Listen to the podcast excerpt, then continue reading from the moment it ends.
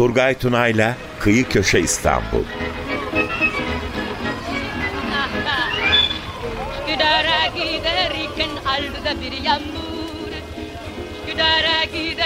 İstanbul'dan mekanlar, olaylar ve insanlar.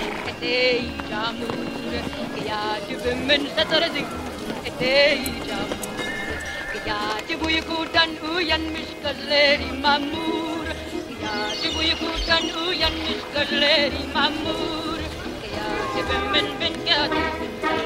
Hazırlayan ve sunan Turgay Tuna. Kolana da gamle günü yara.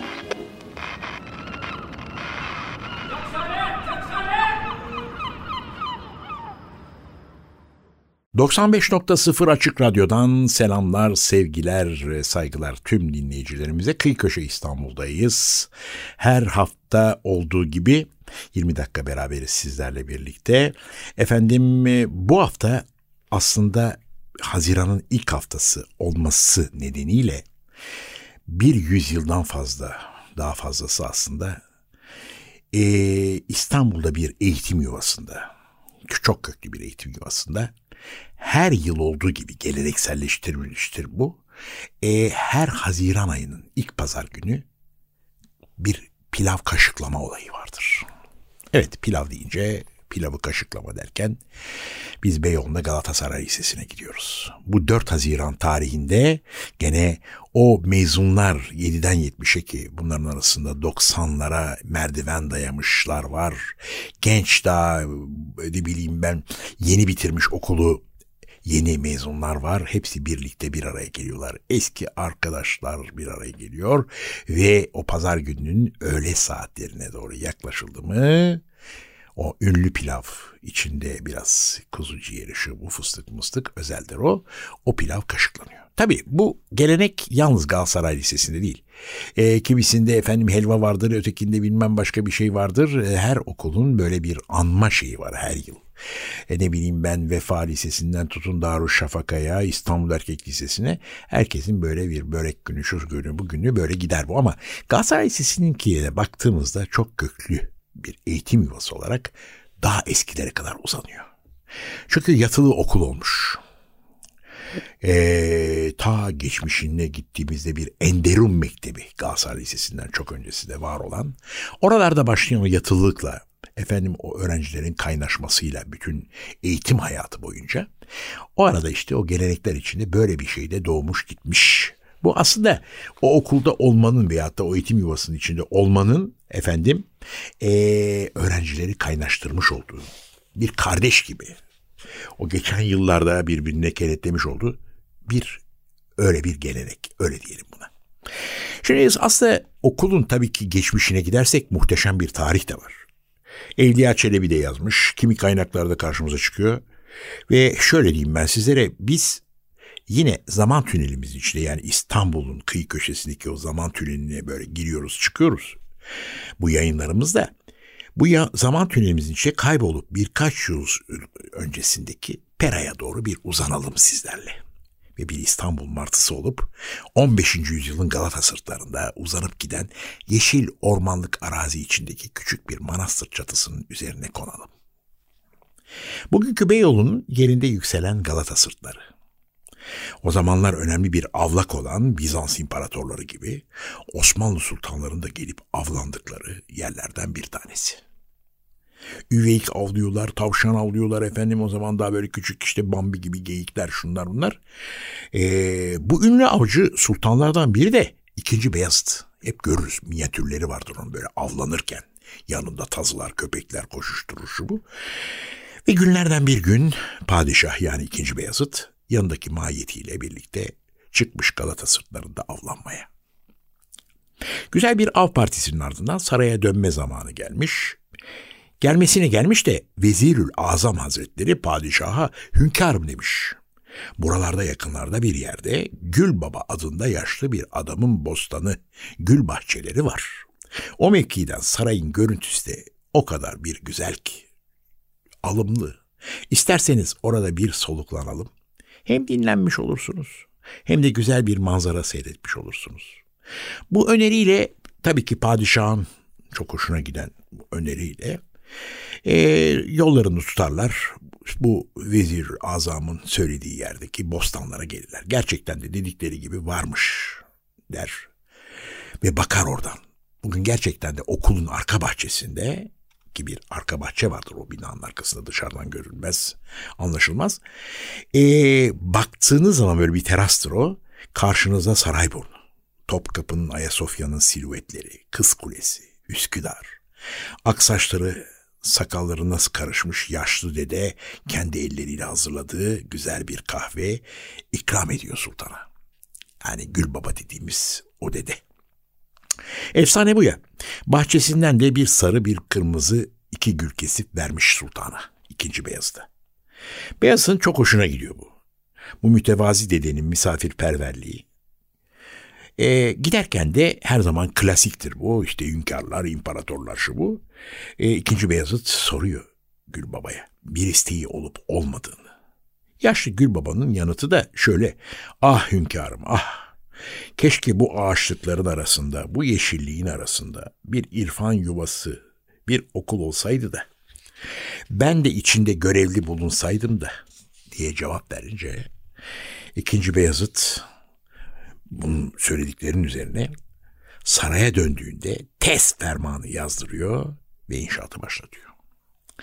Ve bakıyoruz ki bundan böyle Topkapı Sarayı ve Edirne'den sonra 3. Büyük Enderun Mektebi Galatasaray Enderun'u adıyla bugünkü Galatasaray Lisesi'nin yerinde efendim hizmet vermeye başlıyor. Tabi o dönemde Osmanlı döneminde 2. Mahmut dönemine kadar devam ede gelen bir süredir bu Enderun okulu. Ondan sonra 2. Mahmut'la beraber kaldırılmıştır. Daha başka modern anlamda okullara eğitim e, şeyine başlanmıştır. Tedrisat şu bu neyse. E, o arada tabii Endur'un mektepleri derken veya Ender'in okulu derken biz işte en önemlisi e, Topkapı Sarayı'nın içinde. Geleceğe dönük devlet içinde bürokratların yetiştirildiği çok önemli bir okul bu. Çok özel alınan eğitimle, gelen müderrislerle, şunda bunla efendim e, o çocuklar yetişiyor. Bunların arasında birçok da devşirme var. Yani değişik e, topraklardan, coğrafyalardan gelmiş, ne bileyim Moldavya'dan gelmiş, Ukrayna'dan gelmiş, Yunanistan'dan gelmiş, gelmiş de gelmiş. Bunlar devşirme öğrenciler olarak efendim büyütülüyorlar, güzel eğitim veriliyor ve gelecekte bakıyoruz bir Sokullu Mehmet Paşa örneği. Sokoloviç dediğimiz onun gibi böyle çok ünlü vezirliğe kadar yükselmiş adamlar çıkıyor. Bazı aralarında efendim e, bilim adamları çıkıyor, devlet adamları çıkıyor, dışişleri nazırları çıkıyor. Ve işte böyle bir dönemde biz bakıyoruz efendim e, fermanla yapılan, inşa edilen Galatasaray Enderun'u Galata sırtlarında bugün Galatasaray Lisesi bu yerde açılıyor. Ve bakıyoruz bu okul uzun yıllar devlet hizmetinde yer alan ve önemli bürokratlar yetiştiren bu okul yıllar sonra da gene yerinde inşa edilen Mektebi Tıbbiye-i Şahane'ye bırakıyor yerini. Ve bizde ki baktığımızda aslında ordu içindeki e, hekimleri yetiştirmek için öncelikle bu açılmış bir okul. Modern anlamda Avrupa'da olduğu gibi, Batı'da olduğu gibi eğitim veren, e, asker hekimler yetiştiren ve bunların arasında çok ünlü gene devlet adamları çıkmış. Ee, mesela Keçecizade Fuat Paşa bir tıp adamı ama aynı zamanda vezir azamlık yapmış, vezirlik yapmış. Efendim dışişleri nazırlığı yapmış böylesine bir insan. Bunun gibi daha başka örnekler sayabiliriz. İşte o arada bu okul açılınca da Mektebi Tıbbi Şahane ile efendim orada aynı yerde okul devam ediyor. Ama ne anlamda nasıl olarak devam ediyor? Bir tıp okulu olarak devam ediyor. Ve ilk tıp okulumuz. Bu ikinci okulun etkinliği pek fazla sürmüyor. 1867 yılında Avrupa seyahatine çıkan Sultan Abdülaziz, seyahati sırasında iki önemli şeye vuruluyor. Aslında önceden de vurulmuştur da biri demir yolu bunlardan önceden de vurulduğu odur. Ama Avrupa'ya geldiğinde bunu yakından görür. Bir de üstüne üstlük trene biner. Abdülaziz işte orada da e, demir yoluyla beraber Fransa'da olduğu İngiltere'de geçtiği o dönemde 1868 1867'de ee, okulları çok merak ediyor. Fransa'da özellikle bir de işte bu laik tarzda bir okul e, mefhumu diyelim buna. E, çok düşünüyor, taşınıyor. İstanbul'a döndüğünde de buna benzer bir okul açılmasını arzu ediyor. Ve döndükten sonra da bu Avrupa seyahatinden bu iki rüyayı gerçekleştirmiştir. Biz şimdi burada Sultan Abdülaziz'in tabii ki Avrupa seyahatinden söz ederken ilk defa bir Osmanlı padişahı bütün Osmanlı tarihinde, Osmanlı Devleti tarihinde savaşmak için değil de Avrupa'ya barış ve sevgi içinde e, giden bir padişah olarak karşımıza çıkıyor. Neden gitmiştir? E, özellikle Fransa Kralı tarafından davet edilmiştir. 1867'de Dünya sergisi dediğimiz Expozisyon Universel adı verilen bir büyük fuar olarak düşünün. Birçok ülkenin katıldığı. Orada Osmanlı Devleti de pavyon tabir ettiğimiz bir takım şeylerle işte bölümlerle katıldığı bir fuar anlamında büyük sergidir bu. Orada Abdülaziz o serginin açılışında başı çekenlerden, devlet adamlarından biridir. Kurdeleyi kesenlerden biridir ve orada gittiği zaman da bütün bu yenilikleri Paris'te olsun, sonra geçtiği Londra'da olsun, e, sonra geldiği geçip gene dönerken İstanbul'a Prusya'da olsun görüp gözlemlemiş, efendim izlemiş bir insandır. Evet biz Abdülaziz'le beraber gene e, Galatasaray Lisesi'ne ve hatta Mektebi Tıbbiye'den Galatasaray Lisesi'ne doğru geçeceğiz ama şöyle bir küçük ara verelim.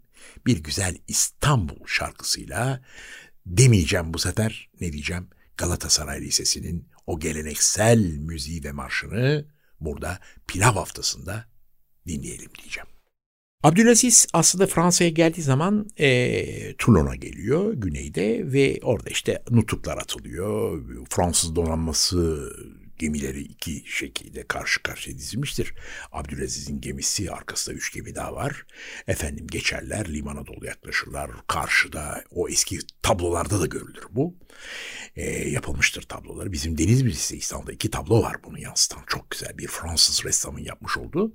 Karşıda Osmanlı Fransız bayrakları, efendim defne yapraklarıyla süslenmiş etmiş bir teras gibi bir yer. Orada işte efendim 3. Napolyon bekler kendisini e, ve orada bakıyoruz biz Abdülaziz çıktıktan sonra iskeleye büyük bir karşılama, nutuklar atılır. Ondan sonra da geçilir, e, gara doğru gidilir ve Abdülaziz orada çok güzel bir sürprizle karşılaşır. Sürpriz şudur, karşısında bir tren beklemektedir onu. Abdülaziz aslında treni çok seviyor. Çok seviyor ama hiç de trene binmiş değil o güne kadar. İşte ne bileyim ben Aydın taraflarında yapılan ilk demir yolu sonra Haydarpaşa şu bu yapılacak 1872'lerde şurada işte İstanbul'un diye Rumeli demir yolu. O zamana kadar daha vakit vardır. Çok az da bir vakit vardır. 3-4 yıl ama orada o trene bindikten sonra onun büyük keyfini orada görüp hissetmiştir. Onu Paris'e kadar getirir bu tren. Ondan sonra oradaki serginde açılışını yapar. Ne zaman dönüyor dedik İstanbul'a? 1868 yılının Eylül ayında Galatasaray Mektebi Sultanesi onun fermanıyla eski Mektebi Tıbbi e, Mektebi Tıbbi Şahane'nin yerinde efendim ilk laik anlamda diyebileceğimiz bir okul olarak açılıyor. Ve şöyle de adlandırabiliriz bu okulu. Batıya açılan pencere. Birçok yönden. Eğitim açısından olsun, efendime söyleyeyim, fen bilimleri açısından olsun, okulda öğretilen tedrisat, şu jimnastik, spor, e, daha birçok açıdan e, ilkleri yaşayan bir eğitim yuvası, bir irfan yuvası olarak görüyoruz. Türkiye'nin ilk laik modern okulu aslında bakarsak. Ve açıldığı zaman da çok sancılı günler geçiyor, olaylar geçiyor. Ne bileyim ben işte o zaman bizim zaten Rusya ile politikamız çok kötü. En karşımızda her an böyle e, canımıza okumak için bekleyen bir Çarlık Rusyası var ki 1877-78 yılında 40 bin kişilik Rus ordusu gelir. Ayestefanos Yeşilköy'e kadar gelir. Neredeyse İstanbul'a gelecektir. 3 Mart 1878'de yapılan antlaşmayla da gerisin geriye gider. Ama çok ağır bir antlaşmadır o. Çok topraklar kaybederiz. Doğu'da, Rumeli'de, Balkanlar'da.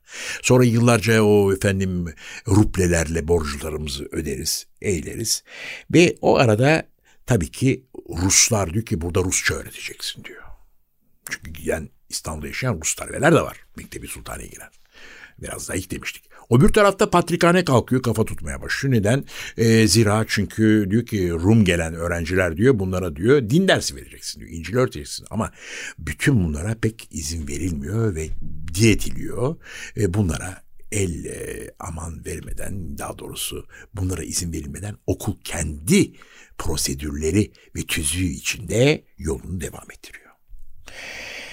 Ve bakıyoruz o günlerden bugünlere politikadan bilime, edebiyattan sanata çok değerli insanlar yetiştiriyor bu okul. Okulun ilk müdürü Monsieur de Salve, bir Fransız. Zaten Fransızca tedrisat ama o zamanın biz İstanbul'una baktığımızda o zamanın Osmanlı'nın Osmanlı Devleti'nin büyük kentlerine baktığımızda e, bugün İngilizce neyse o zaman da Fransızca ön planda. Yani en çok konuşulan yabancı dil ve bir moda. Tabi bunun bir takım etkileri de var. Doğuda olan Levantenler, Fransız kökenli işte yaşayan insanlar hatta bunlar Fransız kökenli olup da Osmanlı vatandaşı olmuş olan insanlar da var. Ondan sonraki e, de Milleti Sadıka'dan Vaham Efendi'dir. Müdür olarak gelmiştir. Efendim okulun başına e, çok güzel yararlı işler yapmıştır. Okulun eğitiminde bir takım e, adımlar daha da ileri gitmiştir. Ve yıllar sonra da okulun başına yine bu okulun ilk mezunlarından olan çok başarılı marif adamı saraya da mütercimlik yapmış olan Abdurrahman Şeref Bey gelmiştir. Müthiş bir adam.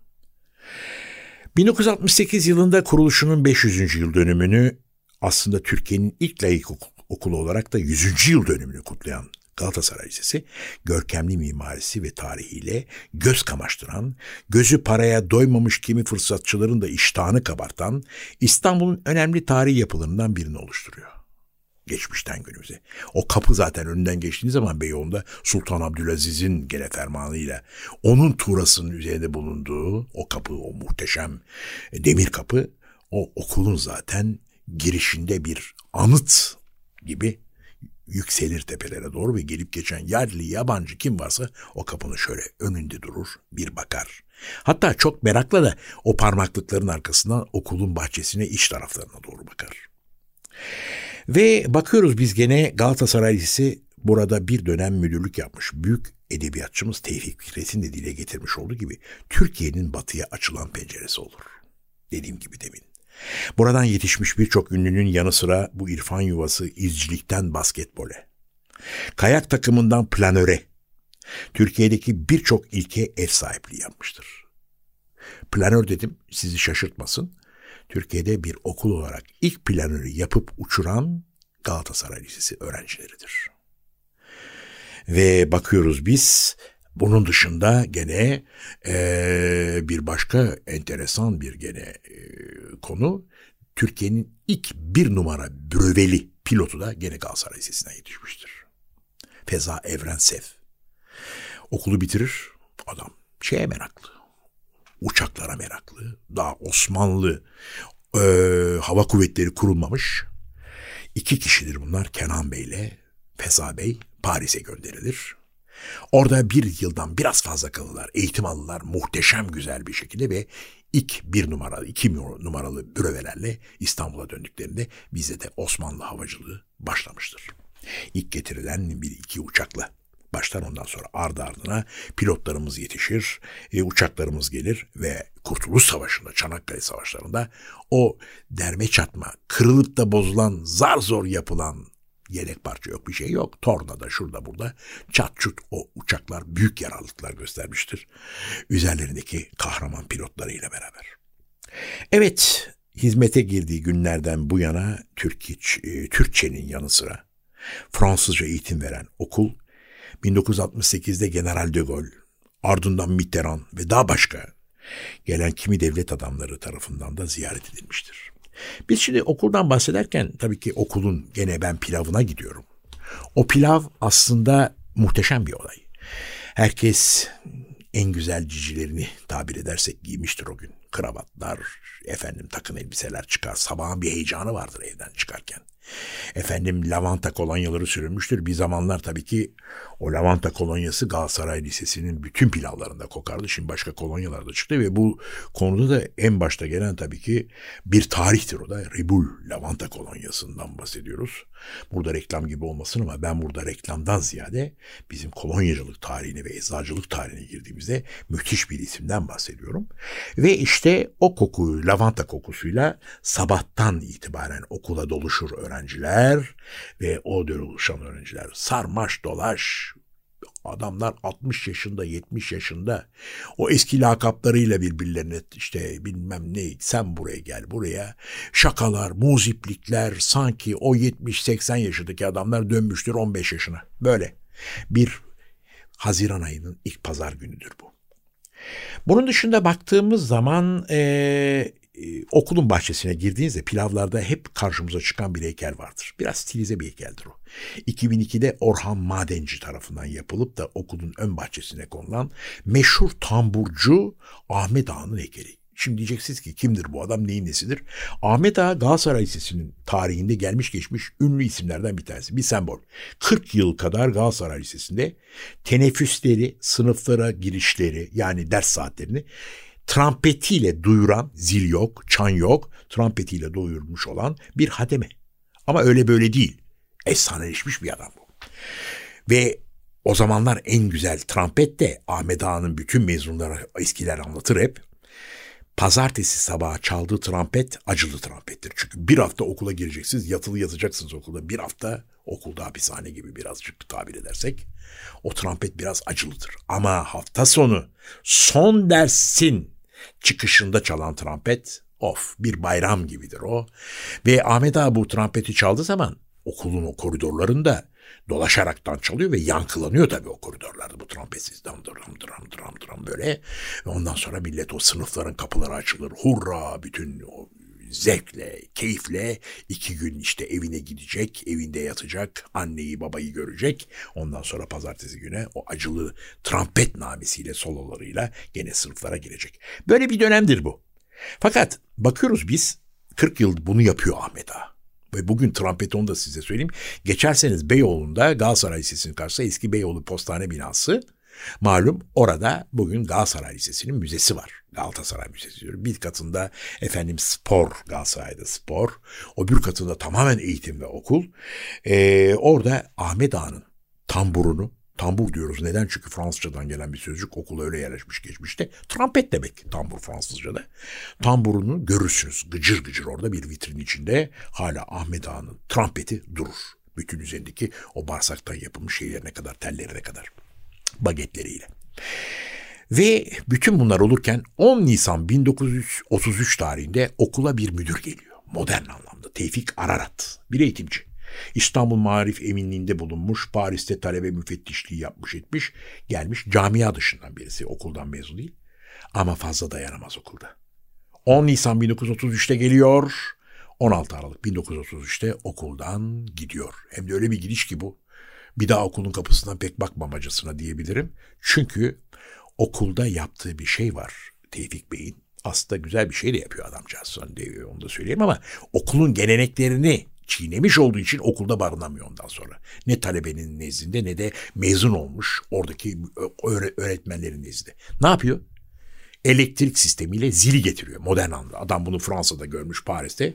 Fakat bu işlemiyor peki her bir defa zil çalıyor ardından zilin sesi kesiliyor. Neden? Öğrenciler geliyorlar üst üste çıkıyorlar ya çorap tıkıyorlar zilin, zillerin içine ya da zilin şeyini zembereğini kırıyorlar. Bir türlü o zil çalmıyor.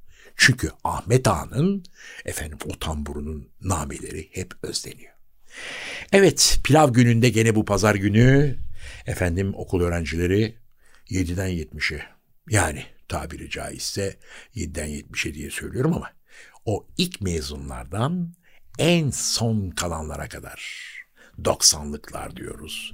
Bir araya geliyorlar ve bu bir araya gelmede de efendim her biri kucaklaşıyor. Her biri orada o geçmişteki okul hatıralarını yad ediyor. Bir taraftan da tabii ki o ünlü pilav kaşıklanmış oluyor.